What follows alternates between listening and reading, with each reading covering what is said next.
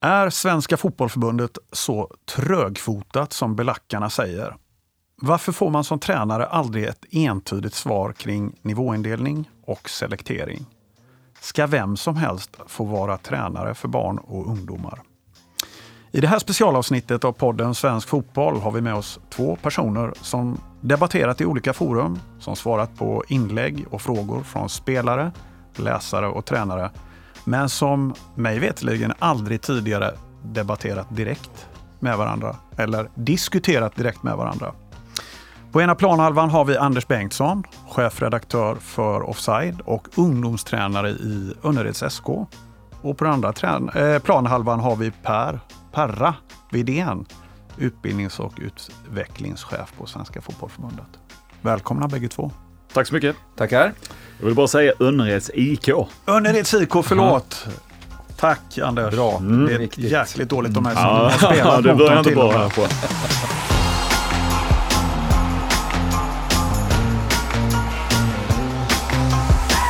Hörni, vi, vi, vi kör en liten uppvärmning, en snabb frågesport bara för att bli lite varma i kläderna. Ja, okay. Jag ska kolla om ni kan några begrepp. Mm. Vi har haft en liten frågesport på, i förbundets sociala kanaler eh, och kollat hur väl man är med den nya terminologin. Åh oh, herregud. Ja. Det känns som att Per har redan eh, ja. 2-0 här innan vi börjar. Om, om, om eh, Anders ska eh, säga, rätta dig på IK så får jag rätta Anders, säg Perra. Perra. Det är bara min fru som säger Per när hon är arg. Så liksom... Okej, ja, då säger vi Perra. Okej, okay, eh, transition coach, Anders, vad är det? Eh, jag skulle säga att det är en eh, tränare som lämnar en spelform för en annan spelform. Ja, ganska bra gissning. Aha. Perra? Ja, jag tror det är en tränare som har hand om eh, när man går liksom, i ålder, när man kanske går från junior till senior eller liksom som att det finns en, ja, en coach, en tränare som har, har koll på det i föreningen. Ja, det står 1-0 där Anders, men det, det bör det göra ja, också. Ja, absolut. I det här fallet. Ja. Tyst coaching. Eller coachning. Tyst coaching. Ja, det gissar jag är att man låter eh, spelarna eh, ta besluten, aktiva beslut ute på plan eh, och att man inte påverkar som ledare. Det är bara att understryka det. Det är bara att understryka. 1-1. Ja, 1-1 säger vi där ja. Jag fick inte ens Pessimistiskt försvar. Pessimistiskt försvar. Ja, det är inte ett positivt försvar. Så att, eh, vad kan det betyda då? Är det att man pessimistiskt försvar skulle kunna vara? Eh, jag känner att tiden nästan går ur här. Eh, pessimistiskt försvar. Jag kan liksom inte riktigt komma på. Nej, det känns som att Anders kan få mer tid faktiskt. För mig. Ja, vi går över till Perra.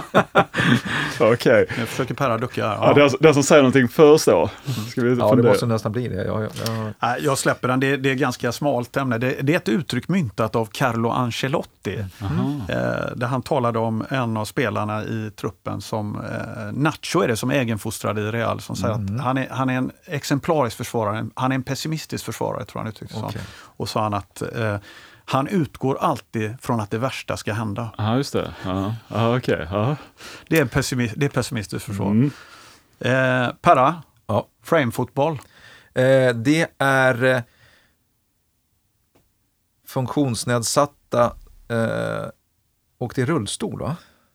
Det är som en inverterad eller bakvänd per, eh, alltså sån här, eh, rollator okay. som man sitter mm. på lite sådär mm. för, för mm. rörelsehindrade personer då, som mm. ska kunna spela fotboll. Mm. Så du, du får ett eh, ja, halvt poäng i alla fall. Bra.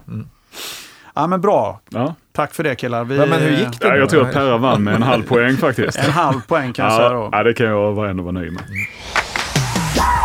Eh, hörni, vi går på det första ämnet här nu, lite kring svensk fotboll, förbundets syfte och mål. Jag vet att du Anders har pratat mycket om det här i eh, eran podd, Offsides podd, tillsammans med din kollega Johan Orenius. Och, eh, vi ska snudda vid det en längre stund, tänkte mm. jag.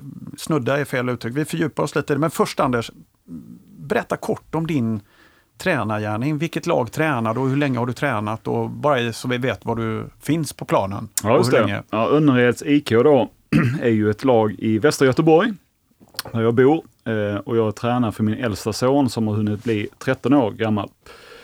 Så jag var tränare för det laget i fyra år, skulle jag säga. Eh, och det är ju ett breddlag. Alla har varit välkomna. Nu har vi faktiskt börjat stänga gruppen för att nu är vi nästan 30 stycken killar. Vi går över till 9 mot 9 och vi har två lag anmälda i seriespel. Så vi känner att det är ungefär där vi vill ligga. Vi vill inte vara för stora. Eh, och där vi har då experimenterat och kommit lite längre nu med per automatik i Göteborg så är det så att det är först när man fyller 13 som man får lov att anmäla lag på olika nivåer i seriespel. Det har vi inte gjort fram tills nu, så att nu blir det per automatik att det blir en nivåindelning. Sen kommer inte den vara eh, fast och så. Vi kommer mm. vara lite eh, ombytliga i det, men det har ju varit någonting som har intresserat mig redan egentligen från att jag började träna. Då var ju killarna åtta år gamla ungefär. Och då förstår jag att man inte kan nivåindela. Men där, där någonstans började mina första riktiga tankar om barn och ungdomsfotboll. Det var en nivåindelning. Jag Sen vi i det ja, så har det mm. varit, finns det så många ja. liksom, eh, vi kommer, lager. Vi kommer återkomma till den eh, mm. Anders, för det är en fråga som självklart intresserar oss tre här och alla som tränar barn och ungdomar, mm. självklart.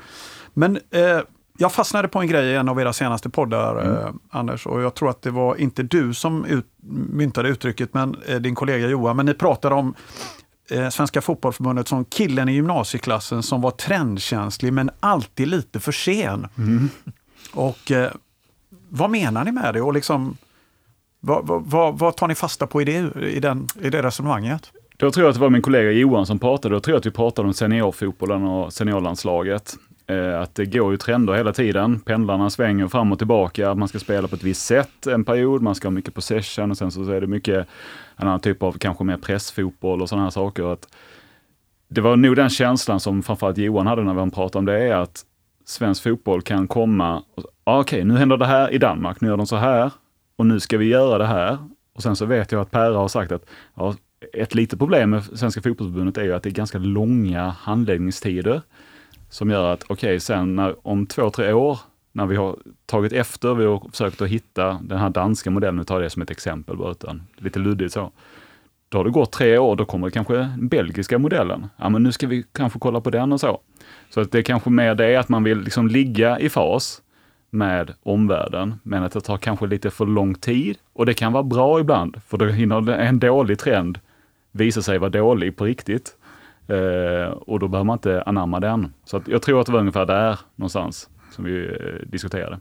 Hur, hur, ser du på det Perra? Det Anders berättar nu och hans, ja, det resonemanget de hade. Ja, precis. Den här trögheten kan jag hålla med om. Alltså att vi är eh, sena på bollen kanske vi inte är. Men däremot kanske för att ha fo prata fotboll så kanske vi har för, för mycket possession. vi, vi lirar runt lite för mycket innan vi kommer till avslut och förhoppningsvis gör ett mål. Det, det, det tar för lång tid. Sen tror jag inte att man... De, man ska också vara medveten att vi hoppar ju inte på alla trender. Man kanske tycker att man ska göra det och därför tror man att, tycker man att det tar lång tid. Vi hoppar inte på alla trender. Och också så att, eh, vilket jag tycker är lite typiskt svenskt, om vi ligger före någonstans i övriga Europa, det uppmärksammar man inte. Ett exempel är de spelformer nu vi har infört, har vi, ligger vi långt före de andra länderna som börjar nu. Och, och då helt plötsligt Tyskland ändrar, då tycker man att wow, kolla Tyskland ändrar spelformer. Men ja, så att jag håller med om att det är trögt, eh, men vi kanske också så att vi inte hoppar på alla trender, för vi tror på det vi gör också. Men Perra, om vi, om vi ändå följer upp, finns det, var ser du att det finns en förändringspotential i svensk fotboll och förbundets sätt att arbeta på? Ja, det är väl de här stora förändringarna som ska göras, kanske spelformer, eh, tabeller, inte tabeller. Då, går, då ska liksom kvarnen mala i svensk fotboll. Vi har 24 distrikt som ska säga sitt. Man måste se till att involvera alla som, som vill vara involverade. Och sen ska det beslutas på ett representationsskap som det heter ofta, som det är regelfrågor och sånt. Och ska röstas eh, igenom på något sätt. Och då, då tar det den här tiden. Jag hoppas att man i framtiden kanske anpassar sig mer till den snabba förändring som sker där ute i samhället. Att vi också i svensk fotboll också förstår att vi kanske måste ha lite högre tempo. Så det håller jag med om det Anders säger, absolut. Jag tänker nu, nu den, den kritiken ni framförde Anders, den, den inriktades kanske som du sa då främst på, på elitfotbollen, här och damlandslaget, seniorlandslagen. Men Hur ska man mäta förbundets verksamhet tycker du, om den är framgångsrik eller inte? Är det om vi tar oss långt i ett mästerskap på herr och damsidan? Är det enda parametern liksom, eller eh, liksom, finns det andra parametrar? Eh, antal utövare, antal föreningar som startas, exporter till utlandet, eh, ja men you name it liksom. Ja, jag tror att du svarade på, på frågan själv Ja. nästan där. De sakerna som rabblar upp, alla de sakerna är ju bra sätt att mäta hur står vi oss nu? Hur såg det ut för fem år sedan? Hur såg det ut för tio år sedan? Vilken resa har vi gjort? Men också då lite kanske mer eh, titta framåt i framtiden och se lite grann vad kommer behövas. Och det jag brinner mest för, alltså jag har ett yrke där jag bevakar kanske elitfotboll i egenskap av chefredaktör på Offside. Men det jag brinner mest för är ju egentligen den vanliga föreningen ute i landet. Vilken, vilket stöd får de? Både politiskt, ekonomiskt, där tycker jag, det hade vi kunnat prata jättemycket om. Sådär, men det är ju så att jag tror att det är någonstans att, eh, jag tror det var Riksidrottsförbundet som gjorde någon sammanställning för några år sedan där de räknade ut hur mycket alla 800 000 ideella ledare, nu är det inte bara inom fotbollen i Sverige, om man skulle jämställa det med att de hade varit fritidsledare och fått en lön så skulle det varit en kostnad på 20 miljarder kronor om året. Och det är ju långt mycket mer än vad föreningslivet får i pengar. Och alla vi vet, och alla som säkert lyssnar här vet vad idrotten bidrar med till samhället. Så himla många saker som kan fångas upp och räddas. Och man, allt från respekt och kamratskap och integration och sådana här saker. Så det, det kokar ju ibland inom mig när jag ser inför val till exempel, hur lite plats idrottsfrågor får. Och jag vet om, nu sitter vi och spelar in det här avsnittet i Stockholm. Jag vet ju hur planbristen ser ut på fotbollssidan i Stockholm. Man läser ibland och man tänker, är det ett skämt? Ska de släcka ner de där idrottsplatserna? Varför kan inte de vara tända till klockan tio på kvällarna och sådär? Jag har varit Och med vi- om det flera gånger. Ja, och vi, vi i Göteborg har också planbrist, men inte på samma nivå. Men Mm. jag bara tänker så att vi har en eh, idrottsminister, men den idrottsministern har ju nästan aldrig tagit någon plats i debatten och verkligen försökt att sätta sig in lite grann hur tufft det är att försöka bedriva en bra verksamhet och man får ganska många krav på sig att man ska leva upp till olika saker. Så där tycker jag först och främst egentligen att det är nästan där man ska börja prata när man pratar om, om liksom, var ska svensk fotboll komma någonstans? Ja, men då ska vi försöka hitta kanske fler lobbyister, fler personer som tar plats i debatten och som slåss för fotbollens roll i samhället. Men om vi stannar kvar lite ändå Anders, jag förstår, eh, nu, nu tog jag upp det här avsnittet och jag, jag vet att ni pratade om, om landslagssammanhang och, och det är ju alltid en tävling när vi pratar om seniorfotboll, för det är resultat som räknas på den nivån. Men ändå så är det ju så, eh, det är ju bara en, en promille av all verksamhet. Eh, och vi, vi är ju ofta väldigt fixerade vid hur har det gått för dam och herrlandslagen. Och det är någonstans den viktigaste parametern på hur vår fotboll mår, eller hur framgångsrik den är i alla fall. Men allt annat då? Alltså, vi har ju, vi har ju hur många utövare som helst. Gåfotboll ökar. Alltså, man får intrycket av när man lyssnar på en sån här podd eh, som ni har att Fan, det gick åt helvete i VM. Vi är skit liksom. Svensk fotboll är skit. Är den det? Nej, men det blir ju ofta så att vi sitter ju inte och pratar i vår podcast om hur det ser ut på glesbygden eller hur många föreningar som har tillkommit i Sverige de senaste åren, utan vi pratar utifrån att det kanske varit just ett fiasko, eh, en period där det har varit mycket gnäll runt landslaget. Vi fångar upp det lite grann med någon typ av, vill jag tro, helikopterperspektiv ibland. Ibland så går vi ner på små detaljer som att det är ett bråk mellan förbundskaptenen och en spelare eller mellan en journalist och, och så. Så att det, jag tycker det säger sig själv lite grann att vi sitter inte och pratar om att allt annat som är bra i svensk fotboll, jag har sagt det så många gånger själv, men jag växte upp på 80-talet och kan bara jämföra med hur min tränare behandlade vårt lag. Det var ju superstenhård toppning från att vi var åtta år gamla. Vi åkte iväg på cuper, det var ju tre killar som aldrig fick spela en match, en minut så. Och det var liksom nästan, ja det var så det fungerade. Det var ingen som reagerade. Jag kan inte minnas att det var det. Jag har frågat mina föräldrar i efterhand. Det var ingen som hajade till. Så det har hänt så otroligt mycket och så är så bra. Men för att svara lite grann på din fråga så tycker jag, ska man mäta hur svensk fotboll mår så kan man absolut kolla på hur det går för våra representationslag, våra P15, våra F17-landslag, absolut. Det ger någon typ av liksom, ja, här står vi ungefär. Men det är kanske ändå, hur många är det som spelar fotboll i Sverige? Och så jämföra den siffran med hur det såg ut för fem år sedan. Och ska, hur ska vi göra för att det ska kunna vara ännu fler om fem år? Det känns som att det är liksom kärnfrågan. Hur tänker du Perra? Ja, nej men ni har ju varit inne på helt rätt saker tycker jag. Eh, det, det, här med att mäta. Jag, jag brukar ta det exempel, jag brukar säga det till min fru, att ja, men du har lyckats för alla som var med från början har fortsatt. Då tycker jag verkligen man har lyckats med barn och ungdomsfotbollen. Man får med sig dem så långt det bara går. Eh, så det är ett mätetal definitivt, hur många vi är. Men jag tror inte att det, vi kommer att bli så himla många mer egentligen. För i, idag, eh, förr i före tiden Anders, eh, och det fanns ju inte så mycket andra aktiviteter förr i tiden. Idag är det så otroligt mycket annat utbud. Jag hade min, eh, mina barnbarn här, jag skulle ha dem hemma en fredag, då, då fick jag till svar, nej men vi har träning. Okej, okay. ja men kan du komma efter? Ja vi får se, men vad, tränar ni fotboll idag?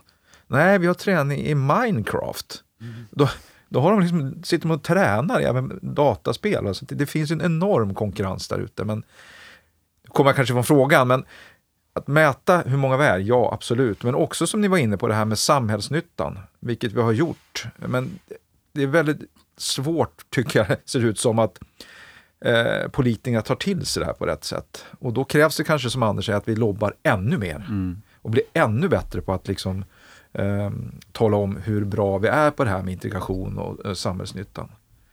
Absolut. Vi har, vi har börjat snudda vid ämnet lite grann och eh, jag, jag träffade dig förra veckan Anders och vi, vi pratade lite om nivån på tränarna i Sverige mm. och uh, utifrån ditt mikroperspektiv när du ändå tar dina promenader runt Välens IP och, mm. och Apelsinplan som du hänger på mycket. Mm. Eh, och när du inte är i tjänst själv som tränare så vet jag att du tittar mycket på andra träningar och du blir förfärad ibland, berättar mm. du. Mm. Och då kan det bland annat handla om långa köbildningar där barn får stå och vänta på att utföra en övning. Eh, oengagerade tränare. Eh, alltså oförberedda och sena tränare och allt vad det var. Avarter som vi vill mm. någonstans få bort. Eh, Perra, har vi för låg nivå på träningarna tycker du? Eh, det, nu ger jag en beskrivning, ett, en ögonblicksbild som Anders delade med sig av. Men mm. Vad säger du, stämmer det här? Liksom? Är det någonting vi bör se Nej. över? Jag tror att man ska vara försiktig och uttala sig om att vi har dåliga träningar för barn och ungdomar. För eh, dels har jag inte den insikten. Eh, jag ser inte lika mycket som Anders ser. Men eh, jag tror att vi, vi kan konstatera att det är väldigt många som går vår utbildning. Och den feedbacken vi får från de deltagarna som har gått eh, i stort sett någon vecka efter som vi kollar, då, det är att de har nytta av det de har ehm, eh, lärt sig på utbildningen och använder. Vi ställer samma frågor efter ett halv, då ser vi ungefär ja, 90% positivt. Vi ställer samma frågor efter ett halvår, då har det sjunkit till 70. Så någonstans händer liksom, efter man har gått utbildningen, fått nya grejer, så faller man kanske tillbaks i gamla mönster på något sätt som man själv blev lärd en gång i tiden. Eh, så vad gör vi åt det då? Nu försöker vi, eh, eller försöker, vi har tagit fram en ny utbildning som heter fotbollsutvecklare i förening. Där vi ska försöka få till så att alla, alla, det är väldigt ambitiöst, alla föreningar har en fotbollsutvecklare som är liksom coach till coacherna. Som ett stöd till eh, liksom barn och ungdomstränarna i, den, i sin förening. Så det är ett sätt vi försöker komma åt det här. Men eh, som sagt, återigen, svårt att säga att det är dåliga träningar. Jag, jag vill också säga det att eh, jag vet ju om att det finns oerhört många bra tränare också, så att inte man blir mordhotad sen. Men eh, det jag menar är att det är ju så, eh, i en vanlig breddförening så är det ju ofta så att man startar upp en knatteskola och sen så kallar föreningen till ett första föräldramöte och sen så ska man då hitta x antal tränare beroende på hur många barn det är. Är det bara 10 barn kanske det bara behövs en eller två tränare. Men är det 30, 35, 40 barn, ja då kommer man upp i kanske en 7-8 tränare. Och det jag menar är att då är, är man en fotbollsförening så har man ett, tycker jag att man har ett ansvar att säkerställa att det blir så bra som möjligt och inte bara vara nöjd med, ja men perfekt, vi får 20 stycken nya barn, det är 20 gånger 500 kronor i medlemsavgift, och sen så har vi lite ytterligare lite avgifter. Så att inte bara se det som en intäkt, vilket många föreningar gör det, när det handlar om barn och ungdomsfotboll, för att det ska stötta seniorlaget. Jag vet ju hur det är ute i Västra Göteborg. Det finns seniorlag där som har harvat runt i division 5. All respekt för alla som spelar division 5. Mm. Men att resurser från barnen går till seniorlaget som spelar i division 5. Jag kan inte se, och det finns ingen morot där för en 12 eller 13-årig pojke eller flicka att en dag ska jag spela i det A-laget. Det, det, det liksom, för det kan de ibland ha som en, någon slags replik. Om man frågar varför lägger vi pengar på det? Ja, men de måste ha någonting att se, se upp emot, se fram emot. Ja, men division 5 är kanske inte det. Men med det sagt så, det här med föreningsutvecklare, det är ju någonting som jag tycker är super. Jag tycker också då när man räcker upp handen där som, som förälder, om man är, eh, om barnen är sex år gamla, man skriver på någon typ av liksom så här osynligt kontrakt att nu ska jag få ett ansvar för ett intresse som för många av de här barnen kommer vara det största de har. Då måste man anstränga sig mer än att man kommer till träningen fem minuter innan, tar ut bollarna, kastar ut dem. Ja, vad ska vi göra idag? Så går det 15 minuter av träningen, sen så kommer man på en övning som har köbildning. Ingen dialog med barn, man lär inte känna barnen, man lär inte, kommunicerar inte med föräldrarna. Då blir det dåligt.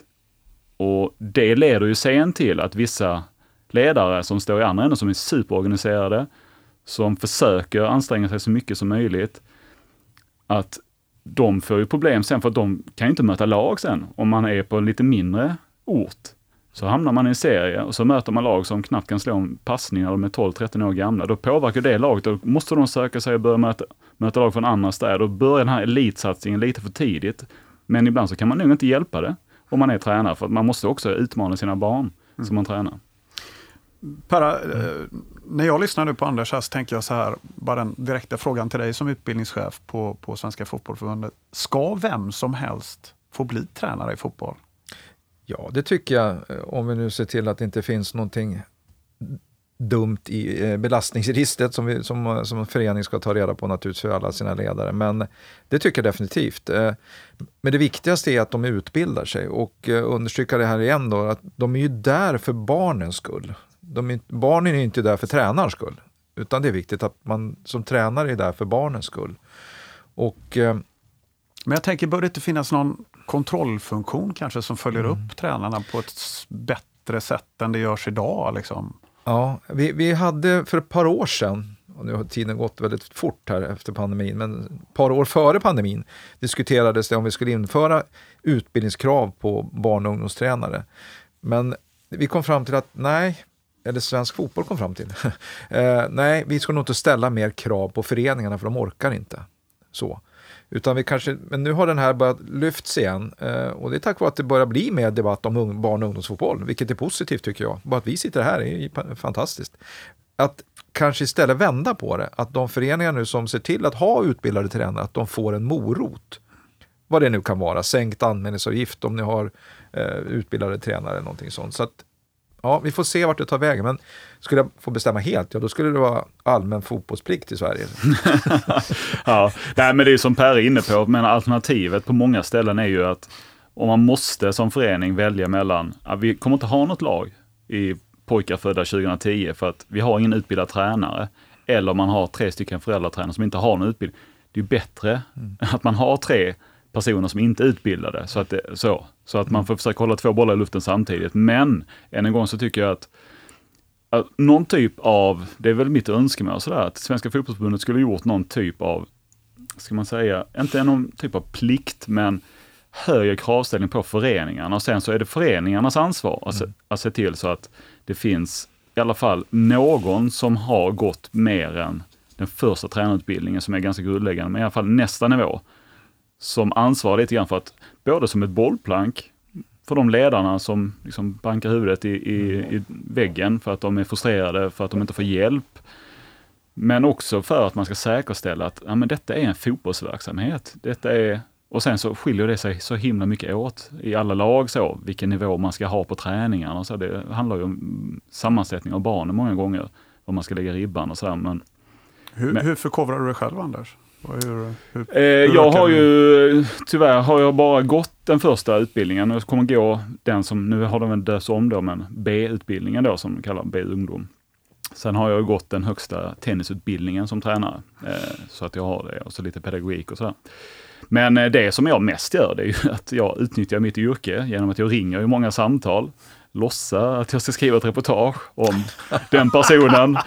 Eh, och sen så ställer jag massa frågor till, det kan vara allt från forskare till liksom akademitränare till liksom gamla fotbollsspelare som, ja, slut, som du vet, nådde P15-landslaget och ansågs vara den bästa i sin årskull och sen så slutade med fotboll när de var 17. Vad, vad hände? Hade du någon tränare som gjorde fel? Eller vad det, så jag använder det ganska ofta. Nu släppte du Och det, en rubrik min, här Anders. ja, men där är jag privilegierad. Ja, precis. Jag kan, ju, jag kan ju helt enkelt uh, ljuga lite där så. Ja. Men eh, jag försöker verkligen läsa så mycket jag kan och, och sen vad det gäller övningar och sådär, det finns ju liksom eh, ett eh, guldarkiv på nätet där man kan hitta övningar och givetvis på förbundet också som har sin övningsbank. I- Innan jag glömde tappa den här som jag har lagrat i huvudet. Du hade varit med dina sedan de åtta år. Mm. Ja. Hur, hur har det sett ut liksom då? Tappat, eh, och de som har tappat, varför har de slut? Alltså har du någon... Nej, vi har inte tappat eh, några i princip skulle jag säga. Utan nu är det snart tvärtom, jag var inne på det tidigare, så att vi i dagsläget så är vi 28 killar och vi har sagt det att vi kan vara 30 ungefär. Sen så börjar vi liksom slå i taket. Men vi skulle kunna utan problem vara 55 killar. Det ringer ju föräldrar till oss nästan varje vecka. Och det är av olika anledningar, men nästan alltid så är det så att de har fått höra att vi har en bra verksamhet och det är uppstyrt och vi ställer inte in träningar för att det regnar och vi spelar mycket matcher och åker på cuper och sådär. Hur många ledare är det? Vi är fem ledare. Eh, där vi Hur är stor var truppen sa du? 20, ja, 27, 28 är vi. Eh, och vi är väl tre stycken ledare som alltid är på plats i princip eh, där, som har ett huvudansvar. Vi har fördelat upp det så att jag har träningsansvar, träningsupplägg och sådär. En har mer administration och en har mer så här matchbokningar och kontakt med Göteborgs fotbollsförbund och sådana saker. Eh, men vi hade kunnat vara så många och det handlar ju väldigt mycket och det, därför jag kommer tillbaka till det här att bara ute i Göteborg, där jag håller till, i den ålderskullen av pojkar födda 2010, så finns det så många barn som vill ha lite mer av sin fotbollsverksamhet, som är då deras största eh, intresse, än att det är liksom lite slarviga träningar, de är inte genomtänkta, det är för mycket köbildning. De kanske inte börjar träna förrän i mars på riktigt och så slutar de träna i oktober. Och det kan man också prata om att fotboll kanske inte ska vara en året runt sport. Det, det behöver det inte vara. Men har man ingen annan idrott eh, så är det, då är det trist, då tappar man ett halvår nästan. Så det finns så många som hör av sig och det känns ju alltid skitjobbigt. Och behöva, nej, vi kan inte ta in fler just nu, det går inte. Och vi har inte varit en förening som har tagit in de bästa killarna i Göteborg som är födda 2010, utan vi tar in i den andra änden också. Det har varit viktigt för oss. Eh, Men det säger ju lite grann om hur många, för det är så spritt också. Det är, detta är utspritt över säkert tio stycken föreningar i Göteborg som vi får samtal från Men du, du kunde ta in, handen på hjärtat, en nybörjare som kom för ett år sedan. Ja, nu har vi börjat vända där lite grann också. Nu tar vi inte in nybörjare för att då, vårt lag håller så pass hög nivå. Så nu så känner vi det att då rekommenderar det finns andra föreningar där vi vet också att det är en bra verksamhet. Där det kanske är lite mer lämpligt att börja där. Och sen så säger vi det och sen så får du jättegärna komma hit om ett år och testa och se om detta känns som att det, det är din nivå. Eh, vi tränar tre gånger i veckan och kommer gå upp nu till fyra gånger i veckan faktiskt med en frivillig träning i veckan. Så att man ska också vilja det, vilja satsa, satsa den tiden. När, när du pratar här Anders, så jag tänker att eh, du får rätta mig kring terminologin här Per, men, men man pratar ju om motivationsmiljön Miljö, och lärandemiljön. Och lite grann handlar det om den goda instruktören möter den goda varma pedagogen kanske. Eh, och, och ledaren va? Som, är, som är kanske klok och, och välkomnande och liksom ett, kanske stöd för barn i allmänhet. Då. Eh, när du pratar eh, Anders om det här så känner jag det är ganska mycket inriktade på lärandemiljön, alltså att lära fotboll. Eh, är det fel med de här varma liksom, föräldrarna som är ute och kanske inte kan fotboll så bra, men där det är en otroligt glad och liksom skön gemenskap i ett gäng som kanske inte alls är duktiga på fotboll, men de kommer på varenda jäkla träning och kickar boll. Vad är det för fel på det? Nej. Inget fel alls, Nej. absolut inte. Det, jag tycker det är lika viktigt att det finns. Men jag tycker också, alltså fotbollen har nästan alltid varit så att det har varit breddfotboll och sen så har det varit elitfotbollen. Eh, och det har ju varit bra, men sen så finns det avarter inom båda. Det finns elit eller akademiverksamheten som är lite mjukare i kanterna än andra akademiverksamheter. Det finns breddfotboll som är lite spetsigare eh, i sin verksamhet än bara att det är bredd, bredd. Och det är jättebra att det finns så här brett eh, spektra i det. Eh, så. Och jag tycker att det som du berättar där Juan, det, det är ju superviktigt och jag har inga problem med att det är så, men jag tror att någonstans så när kanske pojkar och flickor kommer upp i en viss ålder, då än en gång, mina killar fyller 13 nu, då börjar det bli sådär lite grann att ja, jag tycker det är så pass kul med fotboll så jag offrar andra saker. Offrar att leka med kompisar, offrar, börjar kanske så skära ner på någon annan idrott. Eh, och då tycker jag så att då ska det finnas en möjlighet för de som inte vill gå till akademiverksamheterna och det kanske ibland den verkligen tuffa miljön som är där, att man kan vara kvar, få en jättebra utbildning. Och det, det är där jag landar. Det är där, den typen av verksamhet som jag försöker eh, göra så bra som möjligt. Men jag pratar utifrån mina erfarenheter. Jag har inte varit i en förening där det har handlat om att nu ska vi bara vara glada här om vi kan få hit tio stycken killar så att vi kan spela matcher. Jag har inte haft den problematiken, så jag pratar inte utifrån det, men jag förstår att det finns så många andra. Och det finns de som är ännu mer utsatta socioekonomiska eh, områden där det är helt andra typer av utmaningar. Och jag har full respekt för hur jäkla tufft det är. Men jag pratar utifrån mina erfarenheter och det laget som jag har. Det är bara därför jag kan känna att jag har inte expertis, men jag har ganska mycket att prata om och har gått igenom ganska många saker själv. Sen tror jag inte man ska ställa det mot varandra, liksom den, om du, som du sa Juan, den mjuka och den lärande, utan man ska komma ihåg, en av drivkrafterna för barn, det är att de vill lära sig saker. Eh, sen kan jag bara gå till mig själv också, den, den första ledaren som jag hade, han kunde ingenting om fotboll, men skapade en otrolig miljö som gjorde att vi fortsatte väldigt länge allihopa i det laget. Sen såg han till att ha en annan kompetens bredvid sig, men det är den ledaren jag som ploppar upp i huvudet alltid hos mig. Skapar en otrolig eh, motivationsmiljö då i så fall, liksom, att bara komma dit. Men barnen vill lära sig saker. Jag har liknande erfarenhet Perra faktiskt. Vi var ju, jag spelade i ett handbollslag, jag var nog faktiskt duktigare i handboll. Mm. Och sen spelade vi spritt i olika föreningar i fotboll, men vi trivdes så bra i den här handbollsgruppen så att det mm. slutade med att vår handbollstränare ska bildade fotbollslaget med, så gick alla dit. Då. Mm. Eh, och vi hade ju, då var vi med varandra året runt. För mm. När jag spelade så var det ju handboll på vintern och, och fotboll sommar, vår och, och höst. Då. Men jag tänker en grej som, om vi tittar på svensk fotbolls motto lite, Perra, som har funnits länge. Det är så länge som möjligt, så många som möjligt. Eller om det är omvänd ordning. Mm. Så många som möjligt, så länge som möjligt. Mm. Vilken typ av tränare kan uppfylla den? Vilken ledare behövs för att så många som möjligt ska hålla på så länge som möjligt? Mm. Ja, det, det, du måste vara en... Ja, det, det, är svårt, det, jag tror inte den personen finns som klarar av allting, men definitivt ska det vara en, en lyssnande tränare. Eh, så. Eh, och en pedagog, pedagog naturligtvis. Men eh, framför allt det här nu när vi pratar om barn och ungdomsfotboll, att kunna se alla barn och ungdomar hela tiden. Och, och behandla dem där utifrån där de är just nu vid tillfället.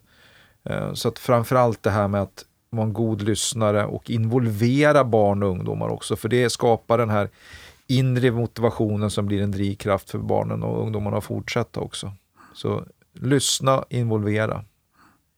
Anders, när du eh, i ditt förvärv, i ditt tränarskap, vad är liksom de stora svårigheterna för dig tycker du som gör att du kanske skulle önska ja, men här skulle jag behöva guidning. Liksom. Vad, vad stöter du på? Du måste ju fundera hur mycket som helst i och med att du har ett lag nu som går upp i, i den ålder där man kanske andra lag börjar rycka i spelarna. De börjar fundera över sin framtid, killarna förmodligen. Mm. Eh, de kommer bli förälskade i en eh, pojke eller flicka. De kommer ha massa saker som utmanar deras kärlek till fotbollen med. Vad, vad, vad är det svåra för dig? Ja, det, det är jättemånga saker som är svåra. Allt från föräldrar. Ja. Och men hur skulle, hur skulle Perra och förbundet kunna underlätta din roll i det här? Då? Om jag säger så, då, vad, vad skulle du vilja ha för, liksom, från fotbollens eh, stöd? Liksom, ja, fotbollförbundets stöd? Jag kommer nu tillbaka till det som jag var inne på tidigare, sådär, att förbundet skulle eventuellt kunna försöka säkerställa mer att det finns utbildade och någorlunda kompetenta eh, personer i alla föreningar som hjälper sen. Så att det rinner ner sen på, på ledarna för de olika lagen och sådär. Så det är väl det, alltså sen så kan ju Svenska fotbollförbundet, jag förstår sådär att det, det, det är på så många olika nivåer.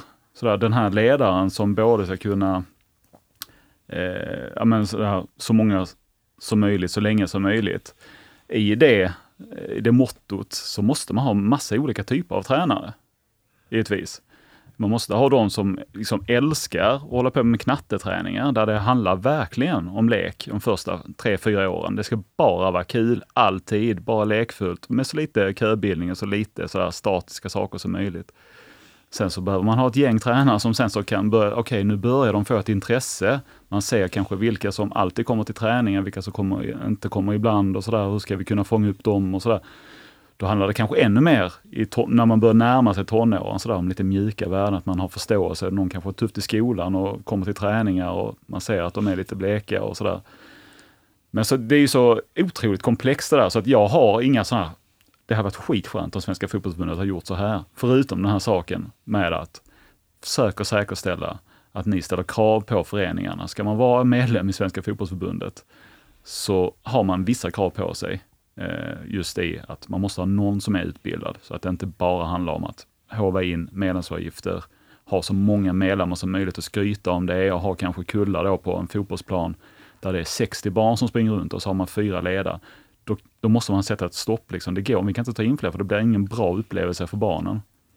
Så.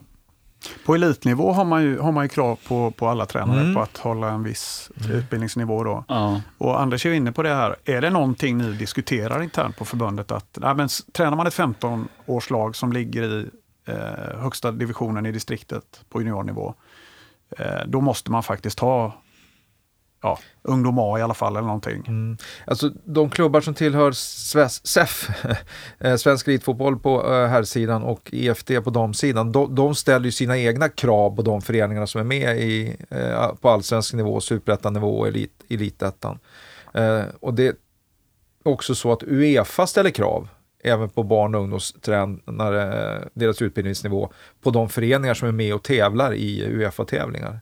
Så att jag, jag, tror vi kommer att komma dit och vi, diskuter, vi, vi diskuterar det, men som vi sa tidigare här, vi är inte helt överens heller när vi diskuterar det här. Det ska vi inte vara, men jag tror att vi kommer att komma dit, men då mer att det är en morot. Att du kanske, som jag sa tidigare, slipper kanske betala en anmälningsavgift eller få mindre, ja, någonting åt det hållet. Sen, just det här med, jag tror inte, alltså det är jättebra, för utbildning är ju liksom det enklaste sättet att säkerställa att saker håller en viss nivå. Men jag som är usel på allt som har med IT att göra, jag hade kunnat gå en mm. utbildning nu, en IT-utbildning, en eh, kvällskurs under ett eh, halvårs tid.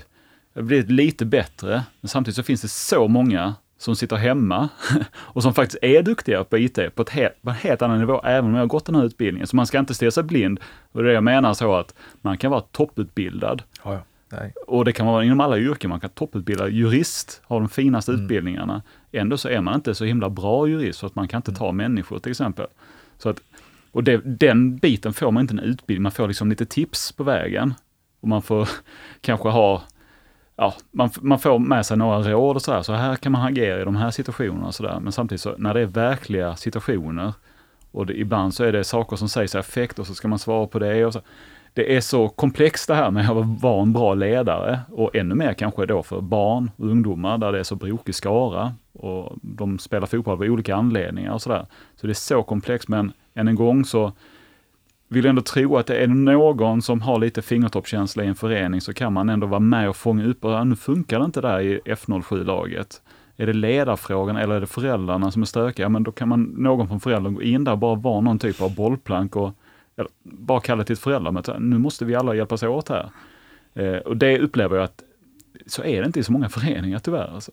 Det är inte så. Man, man, man lämnar lite grann ledarna vind för våg och så hoppas man att det går bra. Och tyvärr så är det ofta så att de ledarna som har lite ambitioner eller som sticker lite utanför i breddföreningar, de kan nästan få liksom mer sådär att, ja men nu får vi nog ta ett samtal här, kan ordförande eller föreningsutvecklaren säga. Medan de lagen där det är rätt stökigt och så, så det som är nästan normen i vissa föreningar, det låter man passera nästan för att ja, men vi är ju en breddförening, men vi kan ställa krav här, vi har inga utbildade, mm. ledarna har inga, ingen lön överhuvudtaget. Så att, eh, ja, jag pratar lite fram och tillbaka. Mm, ja, det, det gör vi allihopa. Och, och då fortsätter jag att prata fram och tillbaka. För det, det är ju rätt att, alltså att en utbildning är ju inte lika med en kompetensnivå. Så är det ju. Men jag tror inte det är någon som blir sämre av att gå en utbildning. Så, eh. Exakt. Men jag, jag, jag, tänker vi, Eh, jag tänker vi avslutar den här diskussionen lite grann med en observation jag fick från en eh, sportchef i ett stort eh, distrikt häromdagen som jag pratade med. Och han, han sammanfattade lite sin kritik internt mot sig själv och, och förbundet eh, utbildningsmässigt med att kanske har vi lagt lite för stort fokus på att få fram bra ledare snarare än duktiga instruktörer. Att vi, vi, har, eh, vi har säkerställt att det är kloka människor i barnens eh, liksom miljö, fotbollsmiljö.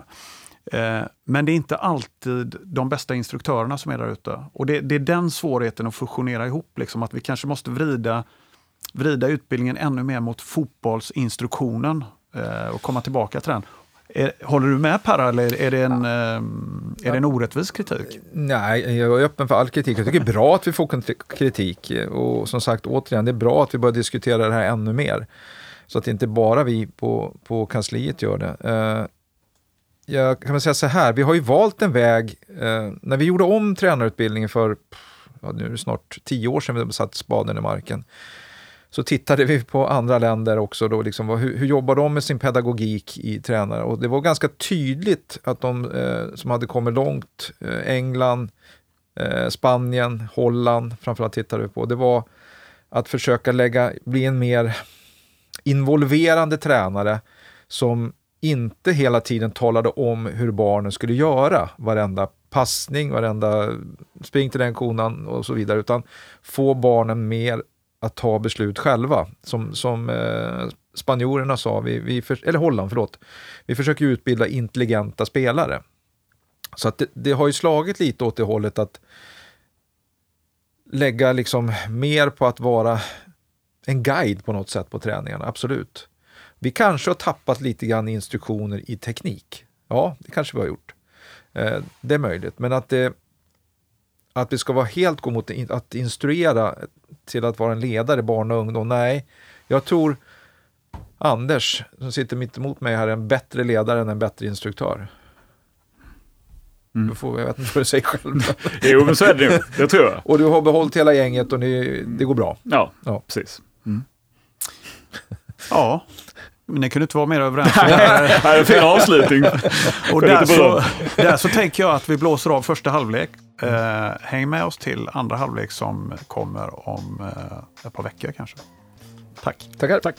Du har lyssnat på podden Svensk Fotboll och del 1 i vårt specialavsnitt om svensk ungdomsfotboll med Anders Bengtsson, chefredaktör på Offside och Perra Vidén, utbildnings och utvecklingschef på Svenska Fotbollförbundet. Håll utkik efter del två som kommer inom kort där vi fortsätter att prata om bland annat nivåindelning och eh, om hur fotbollen ska hantera ambitiösa barn och ungdomslag. Har du några funderingar, tankar eller idéer tills dess som du tycker att vi ska ta upp? Hör gärna av dig till podden svenskfotboll.se. Det är tillsammans med alla er där ute som vi gör svensk fotboll lite bättre varje dag. Jag heter Juan Martinez. Vi hörs i andra halvlek.